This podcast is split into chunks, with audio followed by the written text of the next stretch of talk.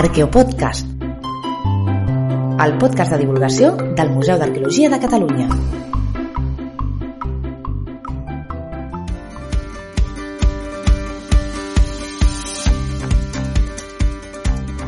Benvinguts i benvingudes a Arqueopodcast, el podcast de divulgació del Museu d'Arqueologia de Catalunya.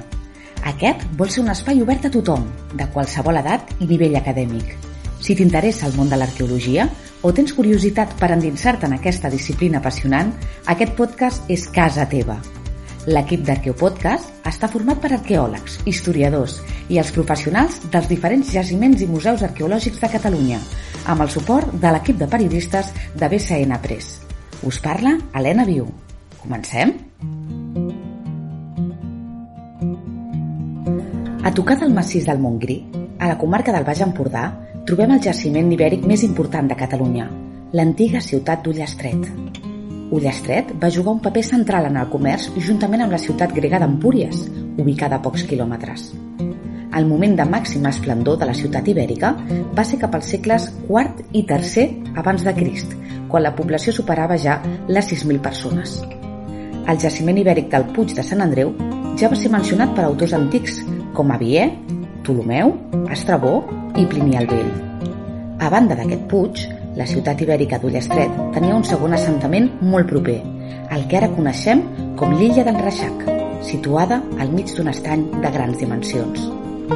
Temples, carrers, cases nobles i sobretot unes imponents muralles feien de la ciutat d'Ullestret una capital de l'època. El nostre company Aureli Vázquez hi ha anat per conèixer de primera mà el jaciment i ho ha fet acompanyat de Gabriel del Prado, arqueòleg i responsable del jaciment d'Ullastret.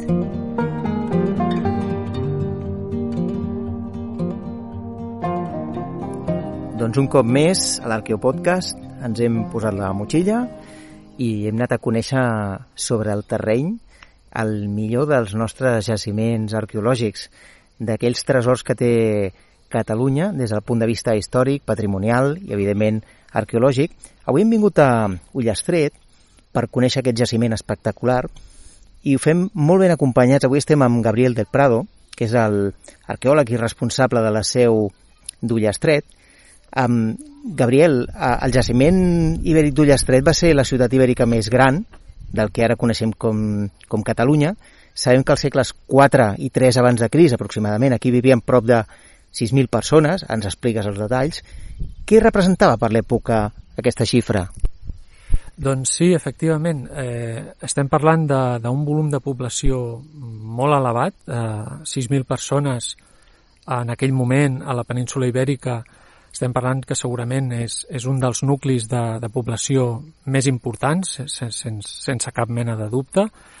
Eh, per això parlem d'una autèntica ciutat, després en parlarem potser amb més detall, però eh, comptant els dos nuclis de població que, que formaven part d'aquesta ciutat, eh, tant el Puig de Sant Andreu com, com l'illa d'en Reixac, i fent uns càlculs demogràfics eh, estimatius, eh, és molt difícil de, de poder definir exactament quina, quina població, però efectivament estem parlant d'un volum de població que, que per aquella època i per aquest territori realment era, era realment important. A la conversa prèvia que teníem preparant aquesta xerrada pel, pel podcast, el Gabriel m'explicava que en realitat estem parlant d'una dípolis. Què és això d'una dípolis i què inclouria en el cas d'Ullastret?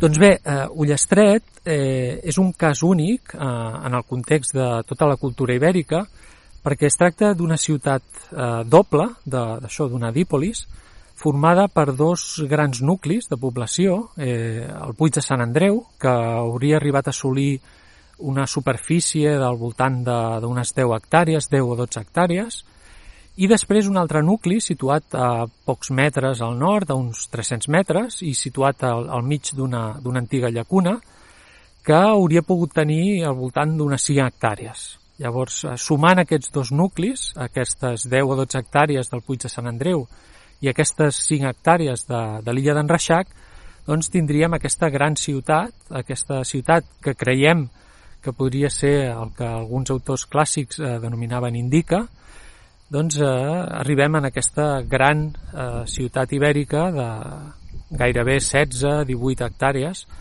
que pel context de l'època, en, en aquesta zona, com us deia abans, doncs es tractava d'una autèntica ciutat i que per les seves dimensions eh, creiem que hauria estat la, la capital de, del poble, de la tribu, dels indigets o indiquetes, aquesta, aquesta població que hauria ocupat el que avui és el, el nord-est de Catalunya, eh? que vindria a ser l'Empordà, la, la, que seria la, la comarca de la selva, la selva marítima sobretot, i segurament també una part del, del Gironès i probablement també de, del Pla de l'Estany. Sempre que parlem amb arqueòlegs de jaciments de l'arqueoxarxa, um, comentem amb ells que tenen el privilegi, potser ells no sempre són conscients perquè és el seu dia a dia, de treballar en llocs espectaculars. Aquí estem al costat del, del Montgrí, a pocs quilòmetres del mar, alhora amb un jaciment amb gran història, estem asseguts sobre una pedra. Aquesta pedra és, eh, és reformada, és original, estem parlant d'una pedra d'una construcció de fa més de 2.000 anys, Gabriel? Doncs sí, sí, realment som, som uns privilegiats eh, perquè estem, cada dia toquem, toquem la història, no? I justament ara estem, estem asseguts sobre, sobre uns murs que estan consolidats però que tenen més de 2.000 anys d'història i que corresponen a una de les edificacions que hi havia a la part eh, central d'aquesta gran ciutat. Per què van escollir els indiquetes o indigets? Per què, per què van escollir aquest enclavament i no un altre? Què tenia d'especial per ells, per, per, per aquesta gran concentració de prop de 6.000 persones, que era una quantitat tan important per l'època? Doncs la veritat és que hi han, hi han diversos factors, però no, no és només els indigets, sinó que és una qüestió que ja ve de les poblacions autòctones i prèvies a la conformació de la pròpia cultura ibèrica. De fet, abans de, de l'establiment d'aquesta gran ciutat, ja estem parlant del període preibèric, del que seria la primera edat del ferro, ens estem remuntant a, a finals del segle VII, a, principis del segle VI abans de Cris, en aquesta zona, eh, concretament en el que són avui els municipis d'Ullestret i de Serra de Daró, al Baix Empordà, ja hi havia tres petits, relativament, perquè tampoc eren tan petits, poblats d'aquest període, situats a, una, a poca distància, en el mateix Puig de Sant Andreu, a l'illa d'en Reixac i també en el turó de Serra de Daró. Hi havia aquests tres poblats d'aquesta primera edat del ferro, poblats molt diferents al que serà després la ciutat ibèrica, poblats d'uns 3.000 metres quadrats de superfície, eh, estructurats sense una estructura urbana molt clara, amb les seves cases eren cabanes eh, fetes amb materials poc duradors, és a dir, és una estructura completament diferent al que serà després l'arquitectura la, i l'urbanisme ibèric Eh, però això ja prefigura una mica els llocs on després es desenvoluparà la gran ciutat ibèrica.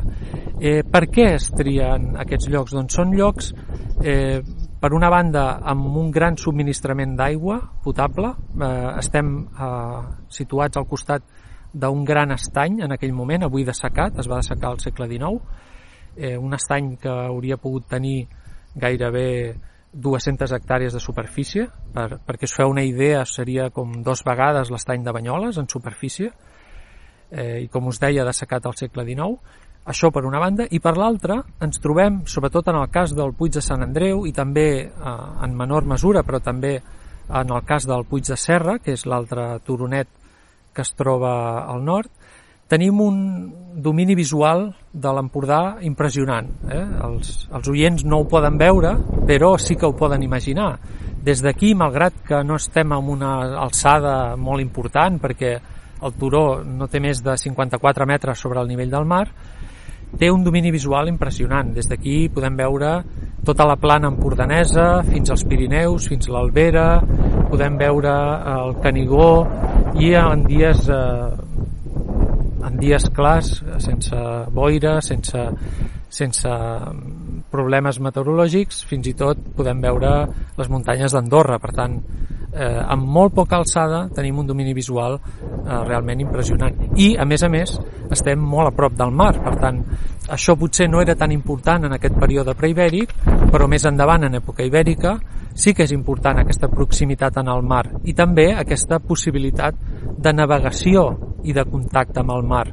Uh, Ullestret, la ciutat ibèrica, no està directament eh, en contacte amb el mar, no està a primera línia de mar, però sí era possible arribar eh, fins al seu estany, fins a aquest estany que, que us comentava, amb embarcacions amb el fons pla que permetien el que els grecs deien, denominaven acàtia, que permetien eh, arribar des del mar fins al peu de, de la mateixa ciutat i això té unes repercussions a nivells comercials molt, molt importants. Per tant, des de qualsevol punt de vista estratègic, eh, de subministrament, el lloc triat eh, és immillorable.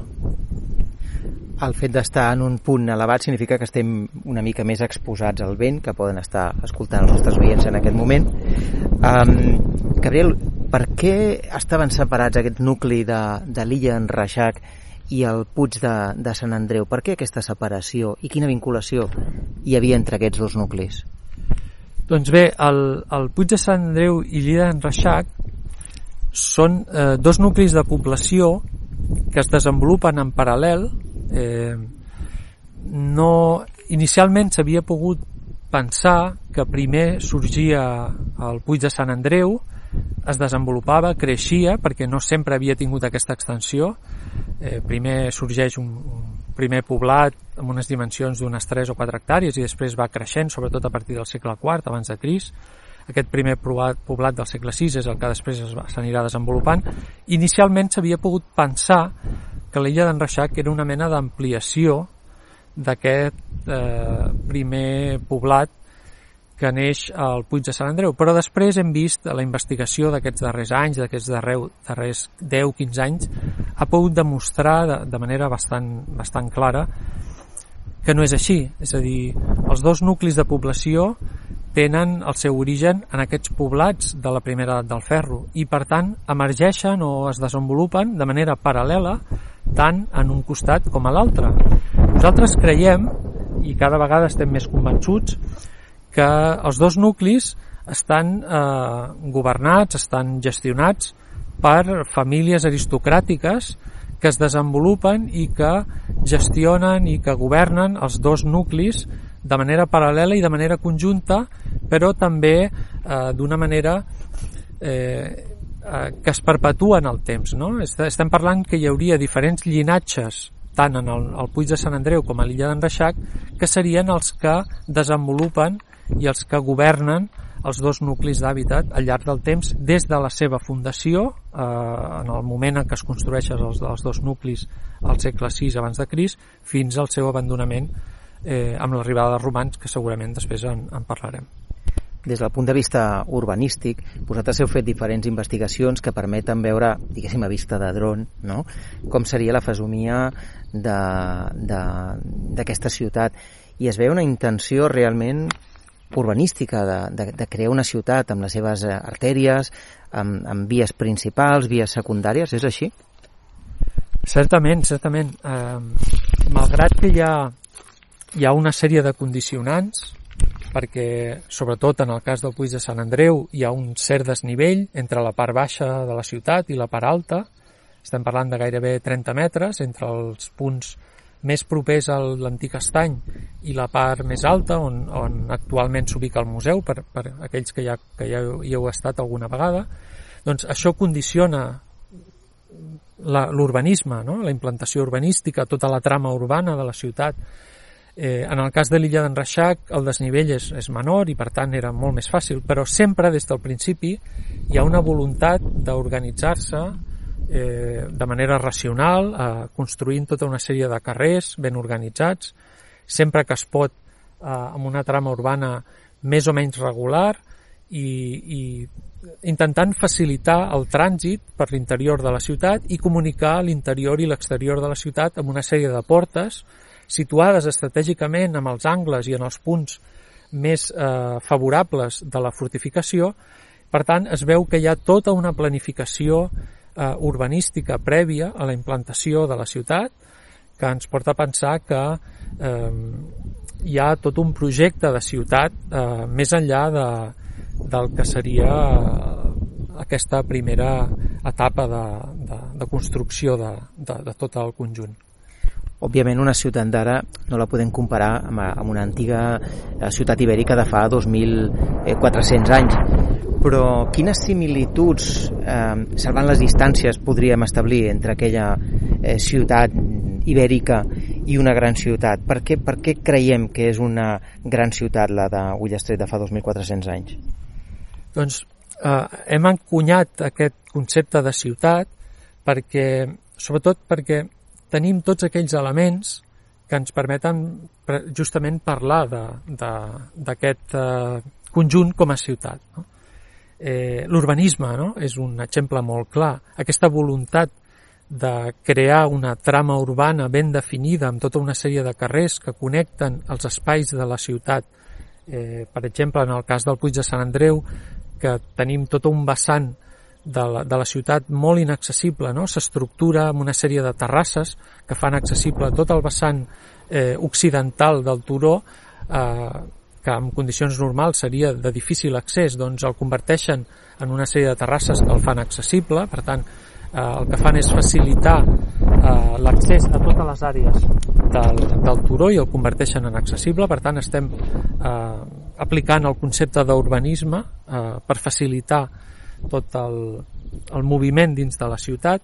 Després tenim la construcció d'àrees eh, que podem considerar públiques, entre cometes, també hem d'anar una mica al tanto amb aquests conceptes eh, actuals i antics que moltes vegades no són equivalents, no? però, per exemple, a la part alta de la ciutat tindríem el que seria l'àrea sagrada, aquí també tindríem un paral·lelisme amb les ciutats actuals, no? l'existència d'aquestes zones sagrades. Eh, en el cas d'Ullastret, de, de la ciutat ibèrica d'Ullastret, hi ha documentats eh, dos, almenys dos temples a la part alta de la ciutat i sabem que aquesta part alta estava reservada en aquesta funció, en aquesta eh, advocació eh, sagrada de, de la ciutat. En aquest costat, en aquest vessant públic de, de la religiositat dels hiverns, perquè també eh, hi havia un vessant més domèstic, més, més privat, i després hi han altres infraestructures de caràcter eh, podem considerar públic, també amb aquestes reserves que dèiem en la terminologia públic i privat, com per exemple les cisternes, que són elements que ens permeten eh, tenir una reserva d'aigua, d'aigua potable, eh, que malgrat eh, els autors clàssics grecs recomanen no fer servir aquesta aigua com a ús de boca, com a aigua potable, sempre els tractadistes grecs, els autors clàssics grecs, eh, recomanen fer servir aigua eh, corrent, aigua d'una font, aigua d'un riu, per, per evitar possibles contaminacions d'aquesta aigua, les cisternes són necessàries per tenir un reservori d'aigua en casos de sequeres, en casos de necessitats eh, diverses, no, no entrarem en els detalls, i en el cas de, de Ullastret, de la ciutat ibèrica, eh, a dia d'avui s'han trobat eh, almenys tres cisternes excavades amb una capacitat global de més de 110.000 litres, eh, que no cobririen totes les necessitats d'aigua de tota la població, perquè de fet només hem excavat una petita part de la ciutat, però que sí que permetien a la població tenir una reserva d'aigua en casos de necessitats extremes. El vent que bufa avui a Ullastret ens ha obligat a fer un petit canvi d'ubicació. Jo crec que estem una mica més bé aquí, no? Gabriel, d'on és aquest vent que bufa? Doncs és un vent una mica típic, perquè aquí normalment, com sabeu, a l'Empordà el vent predominant és, és la tramuntana i avui tenim un vent que bufa de sud-oest i no és, no és gaire habitual, no, no és gens habitual que tinguem aquest vent i menys amb aquesta calor que, que, que estem patint en aquests dies, que, que a més a més és, és una calor molt seca i, i que devien patir molt, molt els, els habitants d'aquesta ciutat en el seu moment. Estàvem parlant de l'urbanisme. Eh, jo volia preguntar per la muralla que envoltava el, el Puig de Sant Andreu. Sabem que hi havia també un, un fossat. Amb quines estructures defensives hi havia i, en tot cas, de què es defensaven, de què o de qui? Doncs aquesta és una qüestió clau, és una de les grans preguntes que ens fem tots plegats quan, quan estudiem i quan veiem aquest conjunt defensiu. Eh, es tracta d'una muralla imponent eh, que es va construir en una primera fase al segle VI abans de Crist eh, amb grans blocs extrets del mateix turó eh, i segurament, i això és un dels projectes que tenim ara amb, amb la recerca actual que estem desenvolupant des del Museu d'Arqueologia de Catalunya, creiem que els mateixos, la mateixa pedra que s'extreia de la construcció del fossat que hi ha just al davant de la muralla s'utilitzava per a la construcció de la pròpia muralla. És a dir, és un treball en cadena en la qual els picapedrers extreien els blocs en brut de l'interior del fossat i després aquests blocs s'acabaven de treballar i se'ls acabava de donar forma per a ser col·locats en la construcció de la, de la muralla. I després, uns segles més tard, es produeix una gran reforma i una ampliació de la ciutat amb una segona muralla molt més potent encara en quant a amplada i en quant a alçada, que és la que protegirà aquesta gran ciutat de 16 hectàrees que abans eh, comentàvem.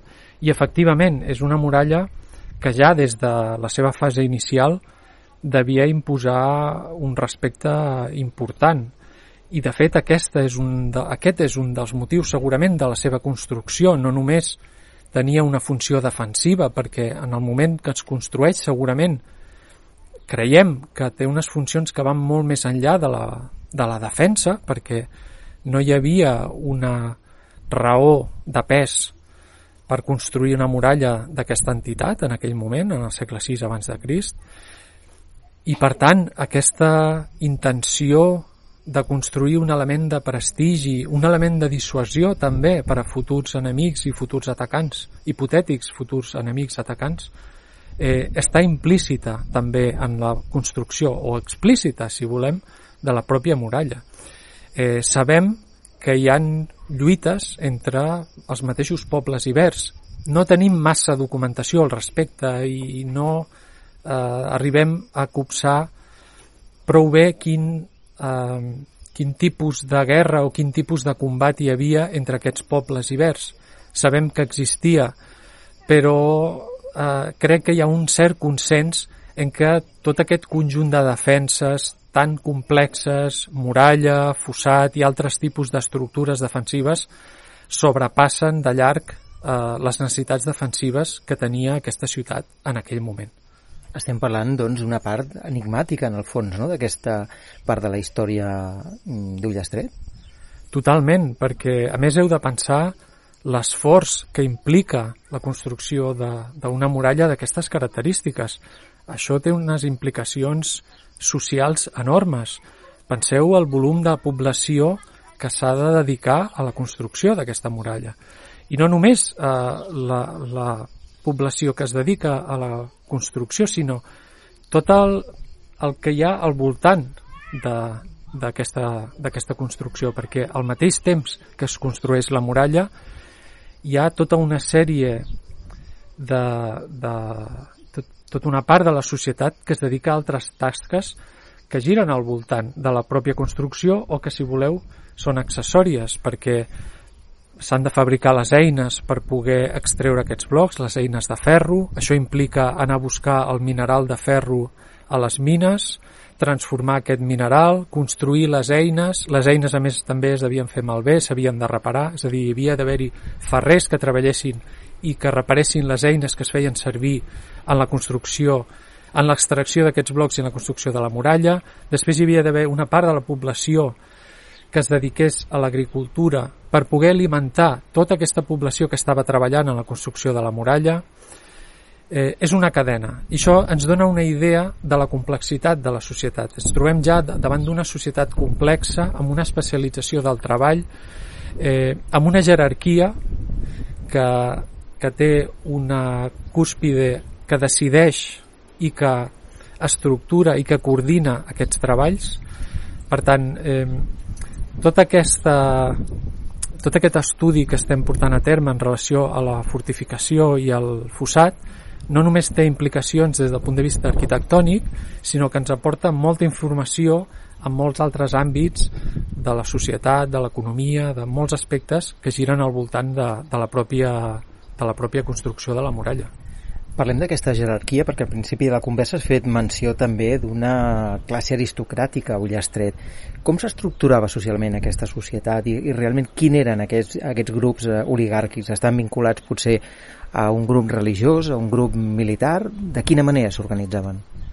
Doncs eh, sabem de l'existència d'aquestes aristocràcies, d'aquestes èlits, ja des del primer moment de l'existència de la cultura ibèrica, ho sabem a través de l'arqueologia, són evidències arqueològiques molt clares i ho sabem, i en el cas d'Ullestret és molt evident a través de l'arquitectura.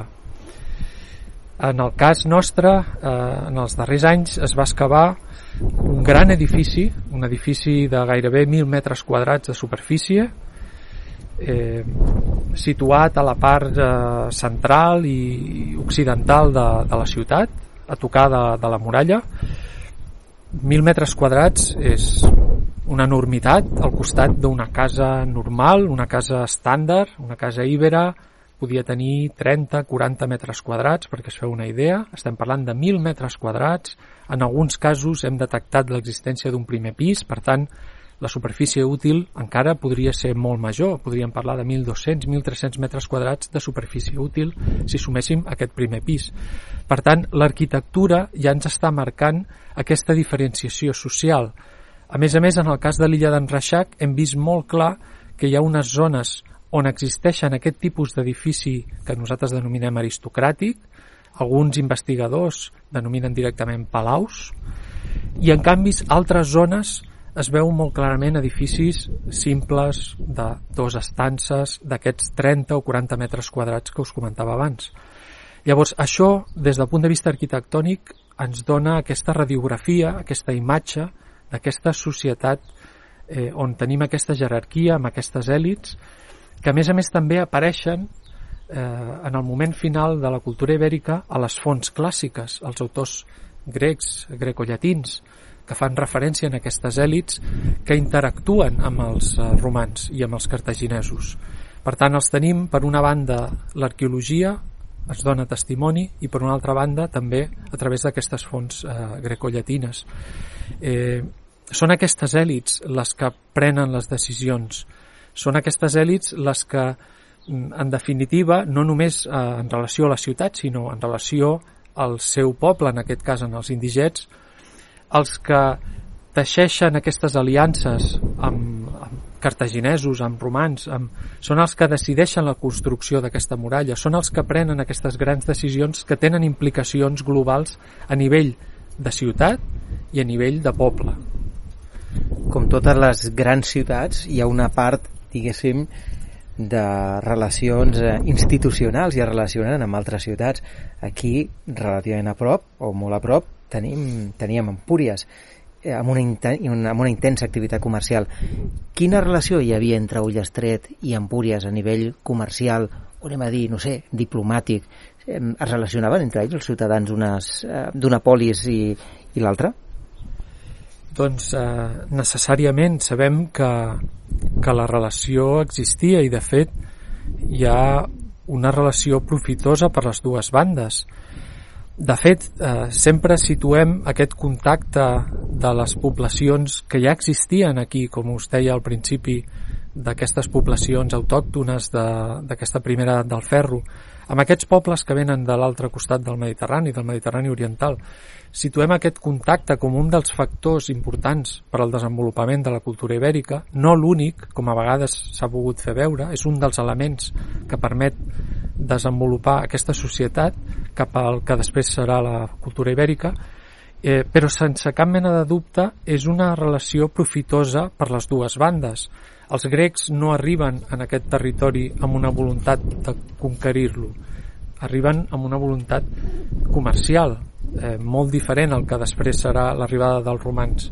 La seva eh, la seva estada, el, la seva, el seu assentament, el que, el que és eh, l'enclavament d'Emporion, eh, té finalitats com, clarament comercials i hi ha una convivència molt clara amb les poblacions indígenes. De fet, eh, les mateixes fonts parlen d'una barreja de població entre grecs eh, i indígenes. Per tant, a, en el mateix Empúries, no? a tocar d'Empúries, no? d'una societat mixta.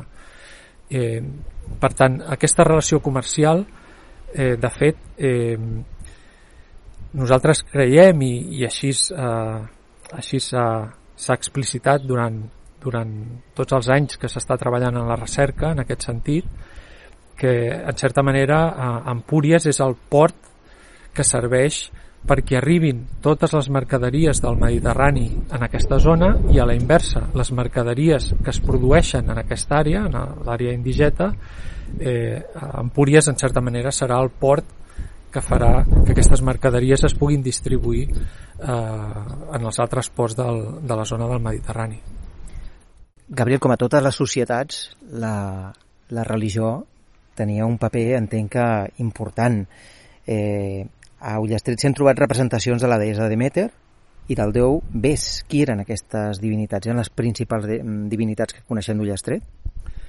Doncs no necessàriament. És a dir, són dues divinitats que s'han documentat a la ciutat, però són divinitats foranes eh, del món mediterrani. En el cas de Demeter, és una deessa grega, amb la seva corresponent púnica, Tànit, que sens dubte ens arriba a través del món grec que tenim a tocar a través d'Emporion. De, i el cas de, del, del déu Bes és molt particular perquè és una divinitat egípcia, és un déu eh, protector de la llar, que diem apotro, apotropaic, protector, que ens arriba a través del, del món púnic, a través de, dels cartaginesos, però també a, a través d'aquesta via eh, colonial, a través del món grec també, per aquests contactes mediterranis. Eh, per tant, estem parlant que són divinitats que venen de fora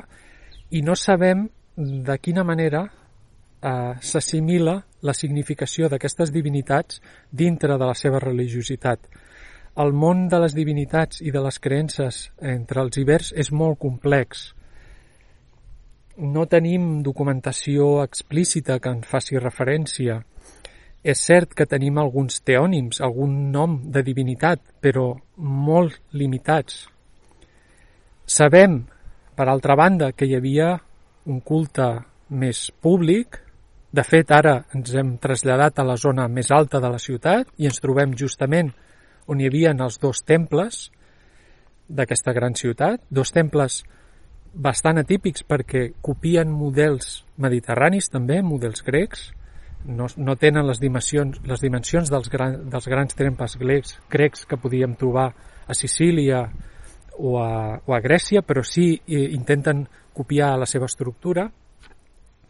I per altra banda també sabem a través de l'arqueologia que hi ha un culte domèstic, més a l'àmbit familiar, de l'àmbit privat, eh, en el qual s'intenta afavorir i, en certa manera, eh, pregar o, o s'intenta eh, protegir els habitants d'aquella família. Per tant, tenem, sabem que hi ha aquesta dualitat del culte.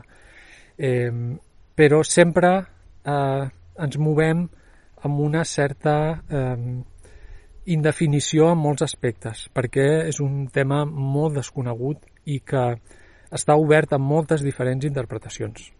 Sabem si era un culte que creia en una vida després de la mort o no exactament?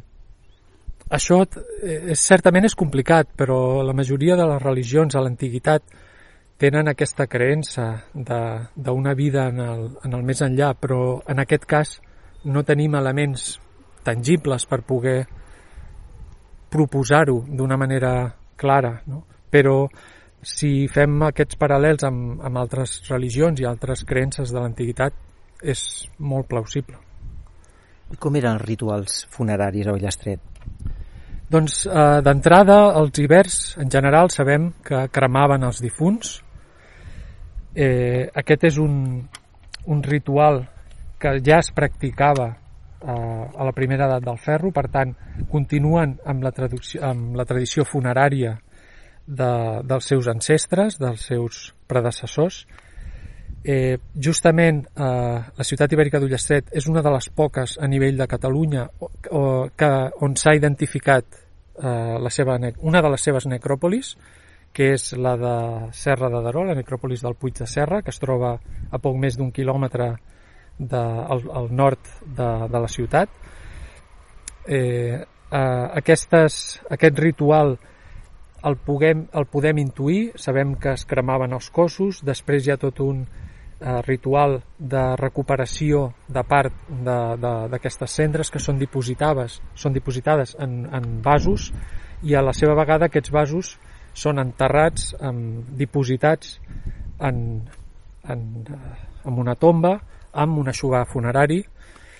I molt probablement aquestes tombes eren senyalitzades d'alguna manera, el que passa és que eh, pel tipus d'enterrament de, aquest, eh, aquestes estructures no s'han conservat fins als nostres dies. De fet, aquesta necròpolis del Puig de Serra, eh, que es va identificar, es va localitzar als anys 80 del segle passat, es va trobar molt arrasada i amb prou feines es van poder identificar una vuitantena de tombes amb un estat de conservació molt precari. Malgrat tot, és l'única tomba del, del període ibèric ple que s'ha identificat a la demarcació de Girona. I això és un fet molt important perquè nosaltres creiem, i de fet ara s'està treballant en un estudi aprofundit d'aquesta necròpolis, 30 anys després de, de la seva excavació, eh, que es va realitzar als anys 80, eh, aquest estudi conclou que segurament només s'enterrava una petita part de la població, només s'enterraven les cendres d'una petita part de la població que segurament seria la que correspon a aquestes èlits que parlàvem anteriorment. Aquestes èlits, aquests llinatges que es perpetuen al llarg del temps, des de l'inici de la creació de la ciutat fins al final, són els únics que tenen aquest dret de memòria d'enterrar les seves restes i a més a més eh, heu de pensar que la necròpolis es troba amb un turonet situat a poc més d'un quilòmetre que visualment es veu tant des d'una part de la ciutat, des del Puig de Sant Andreu, com des de l'illa d'en Reixac. És a dir, hi ha un contacte visual directe entre el món dels vius i el món dels morts. Per tant, aquest diàleg entre la necròpolis i la ciutat dels vius és permanent i és com un recordatori permanent de memòria d'aquestes èlits que eh, es van eh, auto que, que van pervivint al llarg de, dels, dels anys. En un sentit mm, vinculat però radicalment contrari, al podcast que ja vam publicar sobre caps tallats, la Carme Rovira ens explicava la importància d'aquest ritual que consistia a exposar els caps dels enemics travessats per un clau de grans dimensions. Aquí precisament a Ullastret s'hi han trobat peces importants, oi? Certament, certament. Uh, la Carme Rovira eh, us va explicar no, que existeixen dos jaciments on aquest ritual a nivell de Catalunya és fortament present.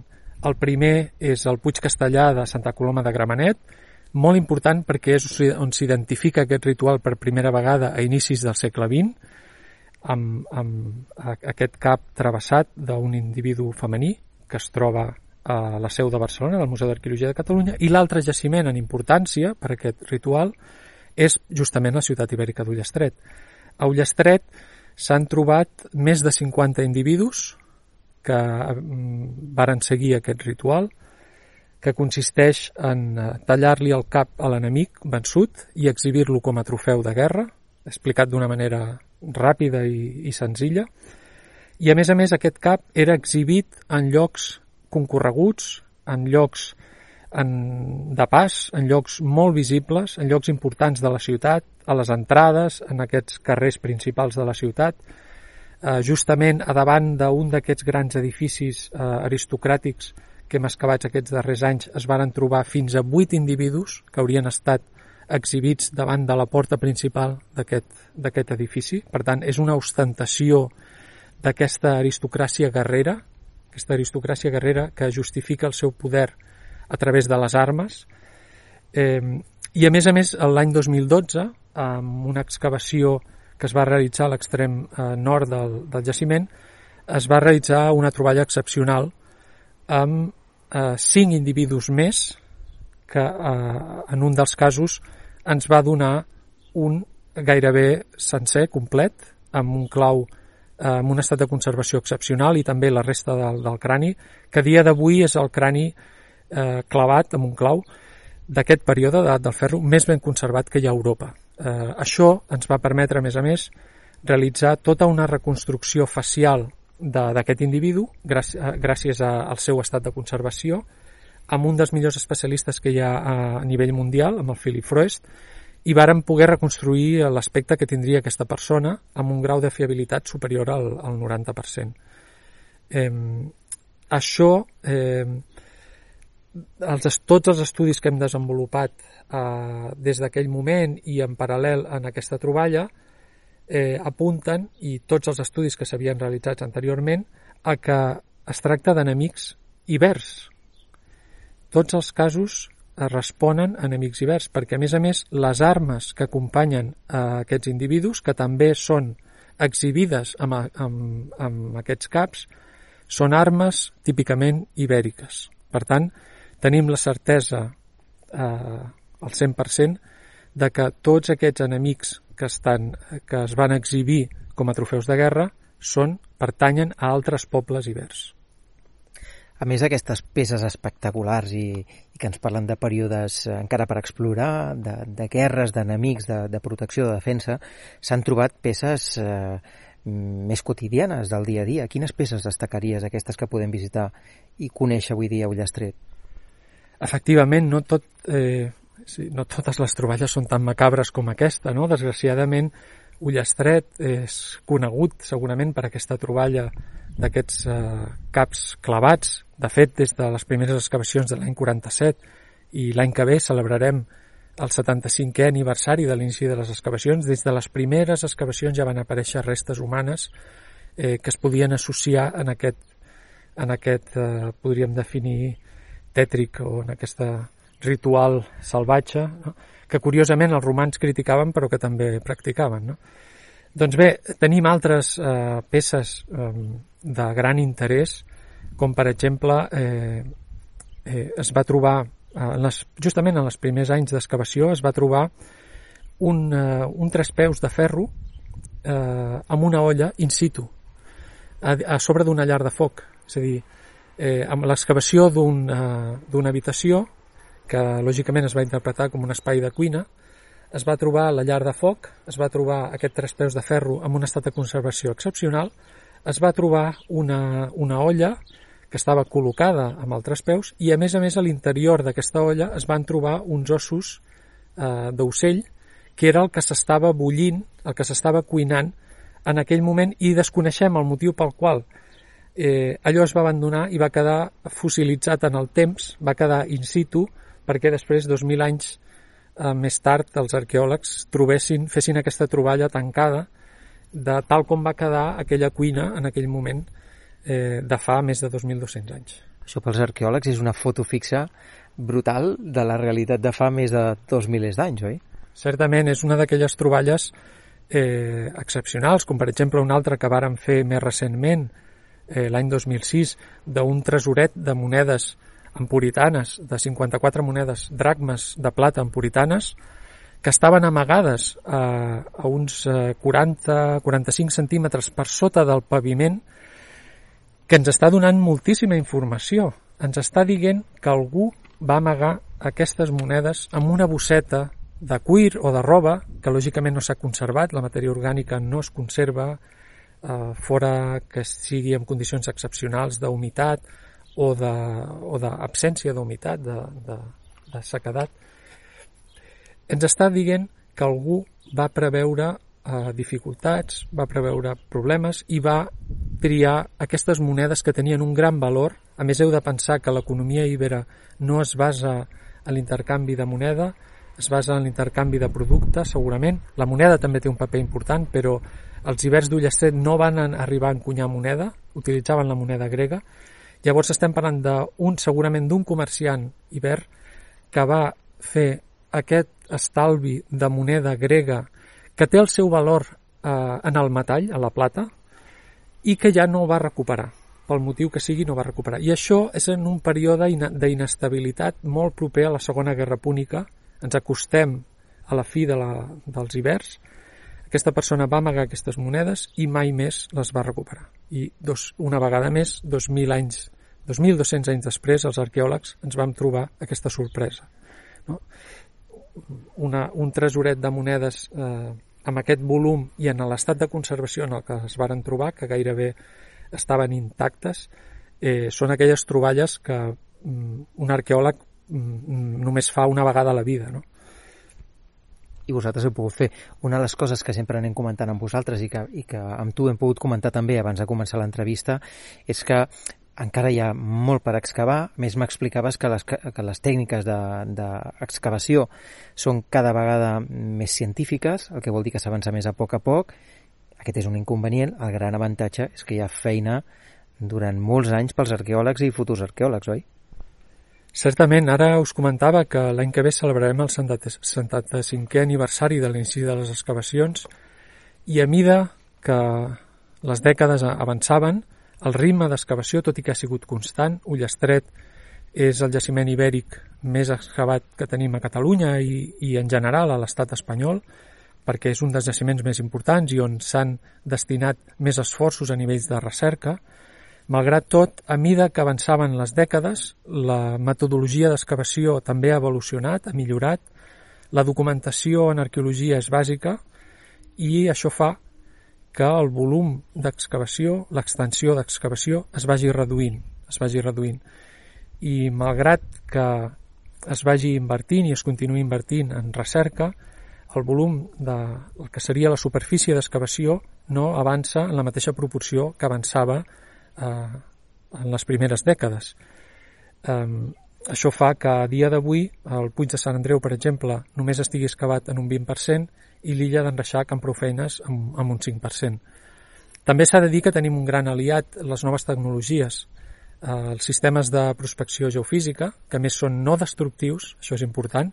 L'arqueologia és una metodologia, l'excavació arqueològica és una metodologia destructiva, és invasiva la prospecció geofísica és no invasiva, eh, permet deixar el jaciment arqueològic tal com estava una vegada s'ha finalitzat la intervenció.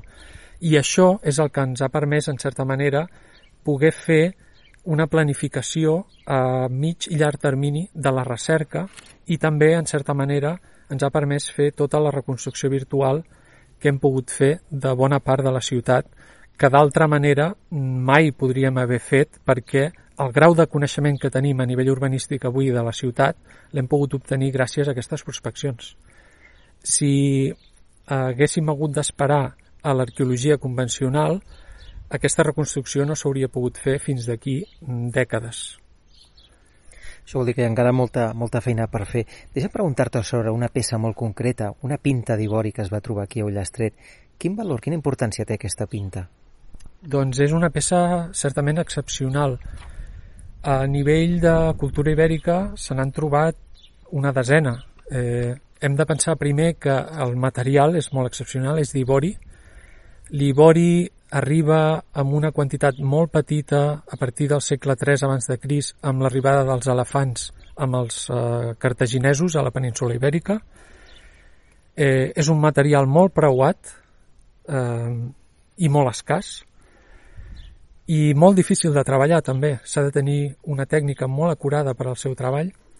Llavors, eh, és, un, eh, és un objecte de luxe, sense cap mena de dubte, que nosaltres hem trobat a les excavacions del fossat, però que en condicions normals segurament trobaríem en un d'aquests edificis aristocràtics, formant part de, de la xubà d'una tomba aristocràtica o de, o d'alguna de les estances d'algun d'aquests edificis nobles, eh, profusament decorada, per tant, és un objecte que, malgrat que només s'ha trobat eh, parcialment, eh, és un, un objecte totalment excepcional, també per la seva fragilitat. És un objecte molt fràgil, la seva conservació gairebé és miraculosa, que s'hagi conservat en l'estat. Heu de pensar que les pues d'aquesta pinta són molt primes, per tant, que s'hagi conservat, encara que sigui parcialment ja per se és, és un miracle i com us deia, a nivell de Catalunya només s'han trobat tres pintes i a nivell de tot l'estat i de cultura ibèrica s'han trobat una desena. Per tant, estem parlant d'un objecte realment excepcional i que justament ara es pot visitar a l'exposició en curs eh, l'Enigma Hivern, que ara, eh, fins al gener de 2022, es pot veure a Barcelona, a la seu del MAC. Per tancar el nostre capítol d'avui d'Ullastret, hem de parlar de la fi d'Ullastret. Eh, sabem que està vinculat d'alguna manera també amb l'arribada dels romans o que inter... actua d'alguna manera. Quin paper van jugar els romans i per què va desaparèixer Ullastret fins on sabem avui dia? Perquè pel que m'has dit sobre moltes preguntes també, no?, d'aquestes peces que s'han trobat. Molt, una fi molt enigmàtica i amb molts interrogants oberts, com molt bé deies. Sens dubte, els romans, eh, eh la, la Segona Guerra Púnica i aquest, aquest eh, intercanvi entre romans i cartaginesos eh, és eh, l'origen de la fi de la cultura ibèrica i en particular de, dels indigets i de la ciutat d'Ullastret, però hi ha molts interrogants oberts. La ciutat s'abandona massivament en aquest moment posterior, immediatament posterior a la Segona Guerra Púnica. No podem precisar el moment, no sabem exactament si això es produeix el 205 abans de Crist, si es produeix immediatament després de la revolta dels indígenes contra els romans, en aquesta famosa repressió contra Cató, contra el cònsul Cató, que es produeix al principi del segle II abans de Crist, és a dir, és molt difícil precisar en quin moment exacte s'abandona Ullastret, però sabem que s'abandona en aquest context posterior a la Segona Guerra Púnica, Sabem que hi ha un abandonament massiu de la ciutat, sabem que no hi ha una destrucció massiva de la ciutat, per contra, sí que hi ha un intent de resistència, perquè a les excavacions antigues es troben les portes de la ciutat tapiades. Això té unes implicacions enormes. Tapiar la ciutat vol dir que estàs intentant resistir fins a les darreres conseqüències, però per contra, les excavacions no ens han donat dades per concloure que la ciutat va ser assetjada i destruïda. No tenim dades per concloure això. Per tant, creiem que hi ha un abandonament pactat, una rendició possiblement. En quines condicions? No ho sabem, no tenim testimonis escrits que parlin de manera explícita de quin paper i de quina manera es va produir aquesta hipotètica eh, rendició, lògicament, amb unes condicions de, però en qualsevol cas, si això es va produir i això va ser d'aquesta manera, sens dubte, una vegada més, hem de posar la mirada en aquestes èlits, que eren els que podien negociar eh, aquesta, aquesta possible rendició, perquè eh, una vegada escapçada aquestes èlits, després la resta de la població, diguéssim, queia amb, amb l'estructura jeràrquica. Per tant, una vegada més sempre hem de posar la mirada en, a l'aristocràcia en aquestes èlits. Com ens agrada acabar les entrevistes amb més preguntes que respostes, eh? Escolta, em deixen que faci un salt en el temps perquè crec que estem al costat d'un mur eh, que correspon a un castell carolingi, és així? Sí, sí, sí. Estem en un lloc que, amb, amb una història que va estar més de 2.600 anys, perquè a més d'aquest poblat de la primera edat del ferro i a més d'aquesta ciutat ibèrica, eh, gairebé mil anys després del seu abandonament, eh, el, aquest turó, que, com, com us deia a l'inici, tenia una visibilitat ideal, va ser un territori de frontera entre, eh, entre els francs i els musulmans, els francs al nord i els musulmans al sud.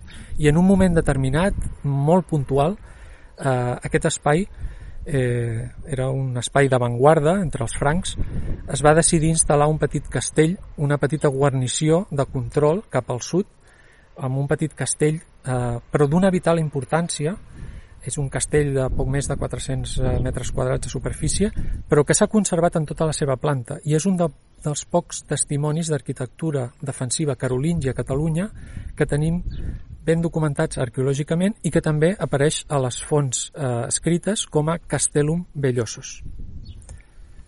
Doncs un atractiu més per Ullastret, un jaciment que cal visitar. Eh, escolta, Gabriel, el turisme està responent malgrat la pandèmia, va arribant una mica comptagotes comparat amb les grans afluències d'altres anys, però em deies que déu nhi l'afluència que esteu tenint, no?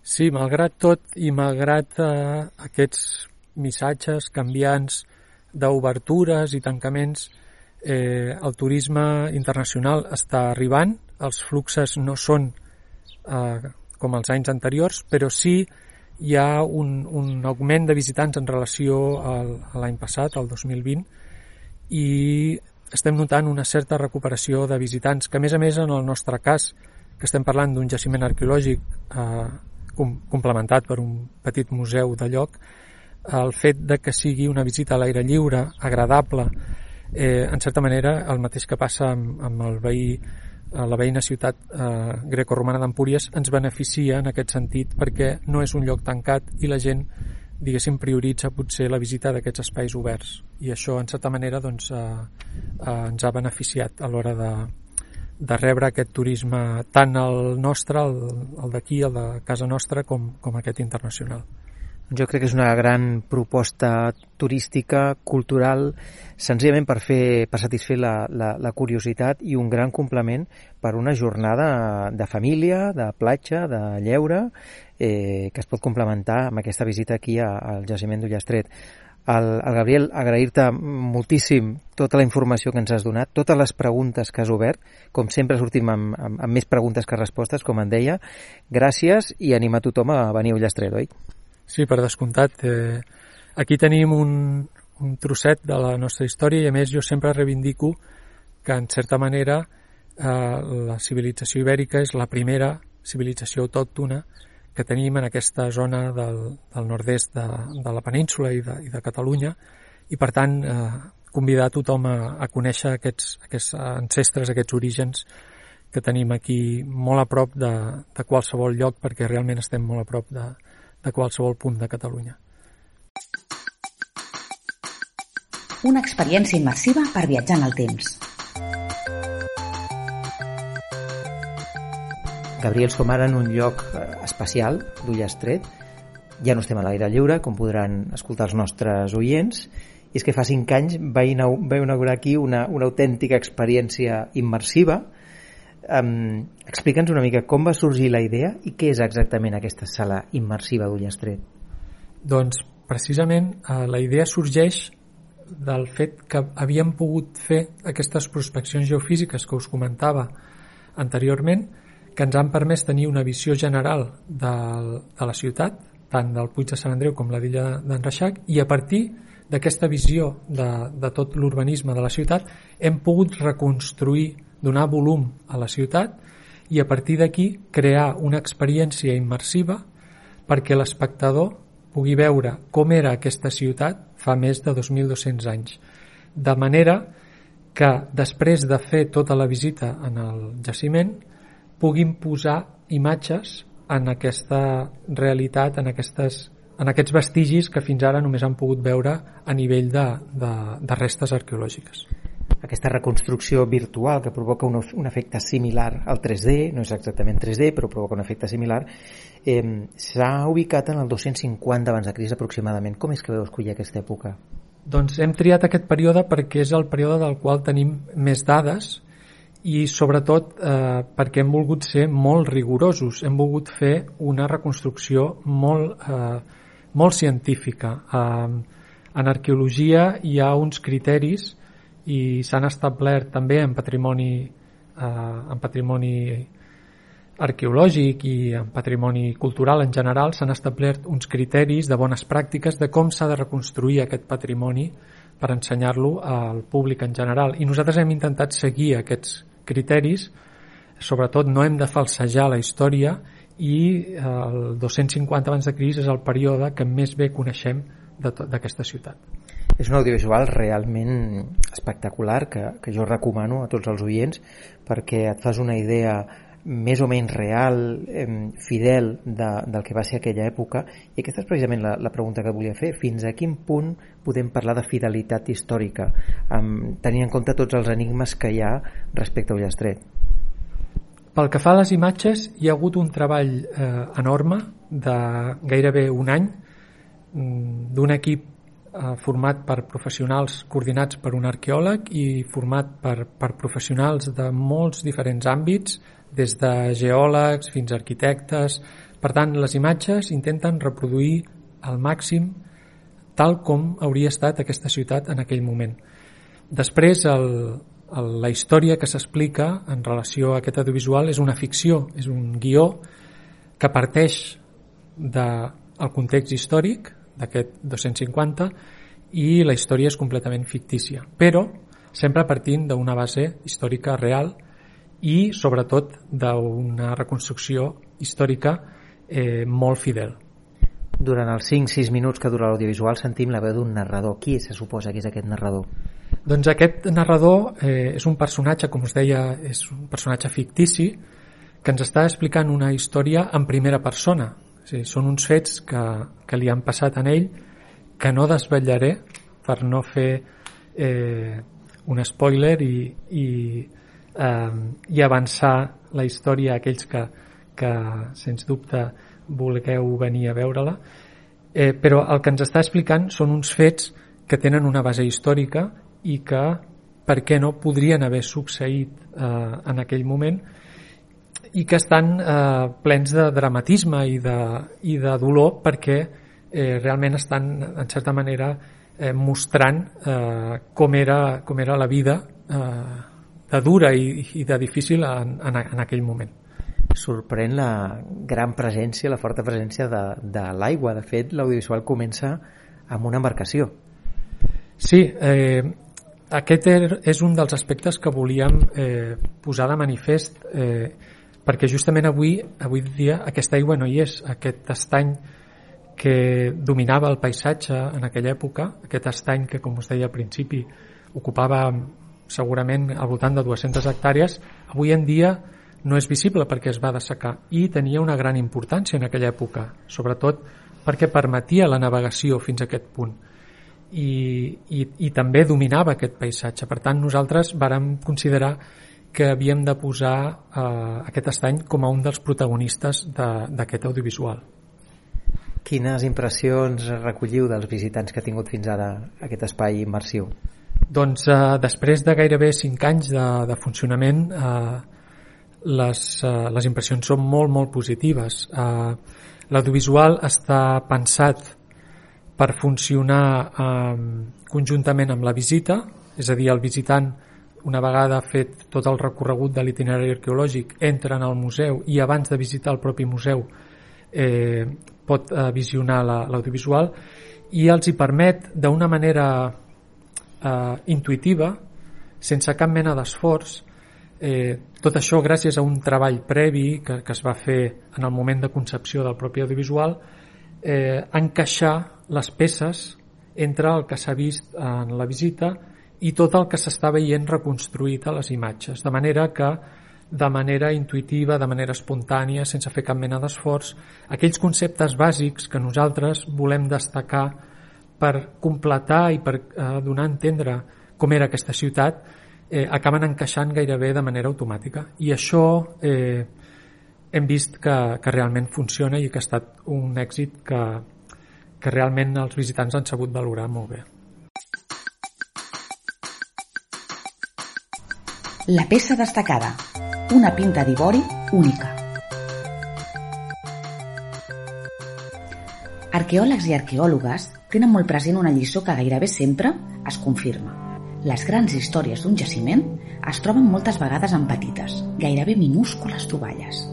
La pinta d'ivori i l'elefant, al jaciment d'Ullastret, n'és un exemple paradigmàtic pels detectius del temps. De fet, la seva singularitat comença pel sorprenent lloc on va ser trobada, l'any 2018, al cor dels treballs de l'excavació del fosat defensiu del Puig de Sant Andreu, nucli d'hàbitat major del complex arqueològic d'Ullastret.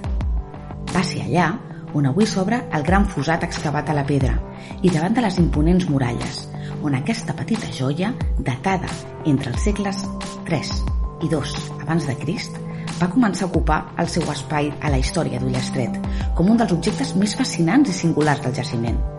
Bé, de fet, de tots els jaciments íbers de la península ibèrica, on fins ara s'han descobert 19 pintes similars i només dues en territori català. Simple vista, Contemplant la pinta al Museu del Jaciment, podríem afirmar que les seves dimensions no són res de l'altre món. 5,1 centímetres de longitud, 3,7 d'amplada i un gruix màxim de 0,5. Però precisament són aquestes mides minúscules les que la fan més especial. La seva filada, de 24 pues, quatre d'elles completes, i amb una longitud d'1,5 centímetres, ens expliquen la història d'un virtuós artesà capaç de treballar a aquesta escala, gairebé impensable avui, tot i la tecnologia moderna. Complexitat tècnica d'alt nivell per la seva execució. Amb dues cares de la pinta estan decorades amb subtilesa i finor. S'hi distingeixen motius espirals i estries paral·leles, en sentit horitzontal, on s'inclouen rectangles. Mans d'artista treballant ni més ni menys que ivori d'elefant, un material molt escàs i molt luxós. Normal que arqueòlegs i visitants del Museu d'Ullastret quedin meravellats davant d'aquesta pinta. De fet, davant de la seva contemplació, la quantitat de preguntes que brollen del cap són inesgotables. Com seria l'elefant? Els ullals del qual van fer servir per fer aquesta obra d'artesania. Era un dels animals que va arribar a la península amb l'exèrcit cartaginès d'Aníbal al segle III abans de Crist? Sense oblidar la seva propietària. Qui i com era la dona que va cuidar la seva melena utilitzant aquesta pinta de luxe? Per què aquesta valuosa propietat l'han trobat els arqueòlegs milers d'anys després de pentinar cabells de dones prominents de la ciutat ibèrica al Fusat? Preguntes sense resposta. Meravelloses incògnites personals de la gran història d'Ullastret.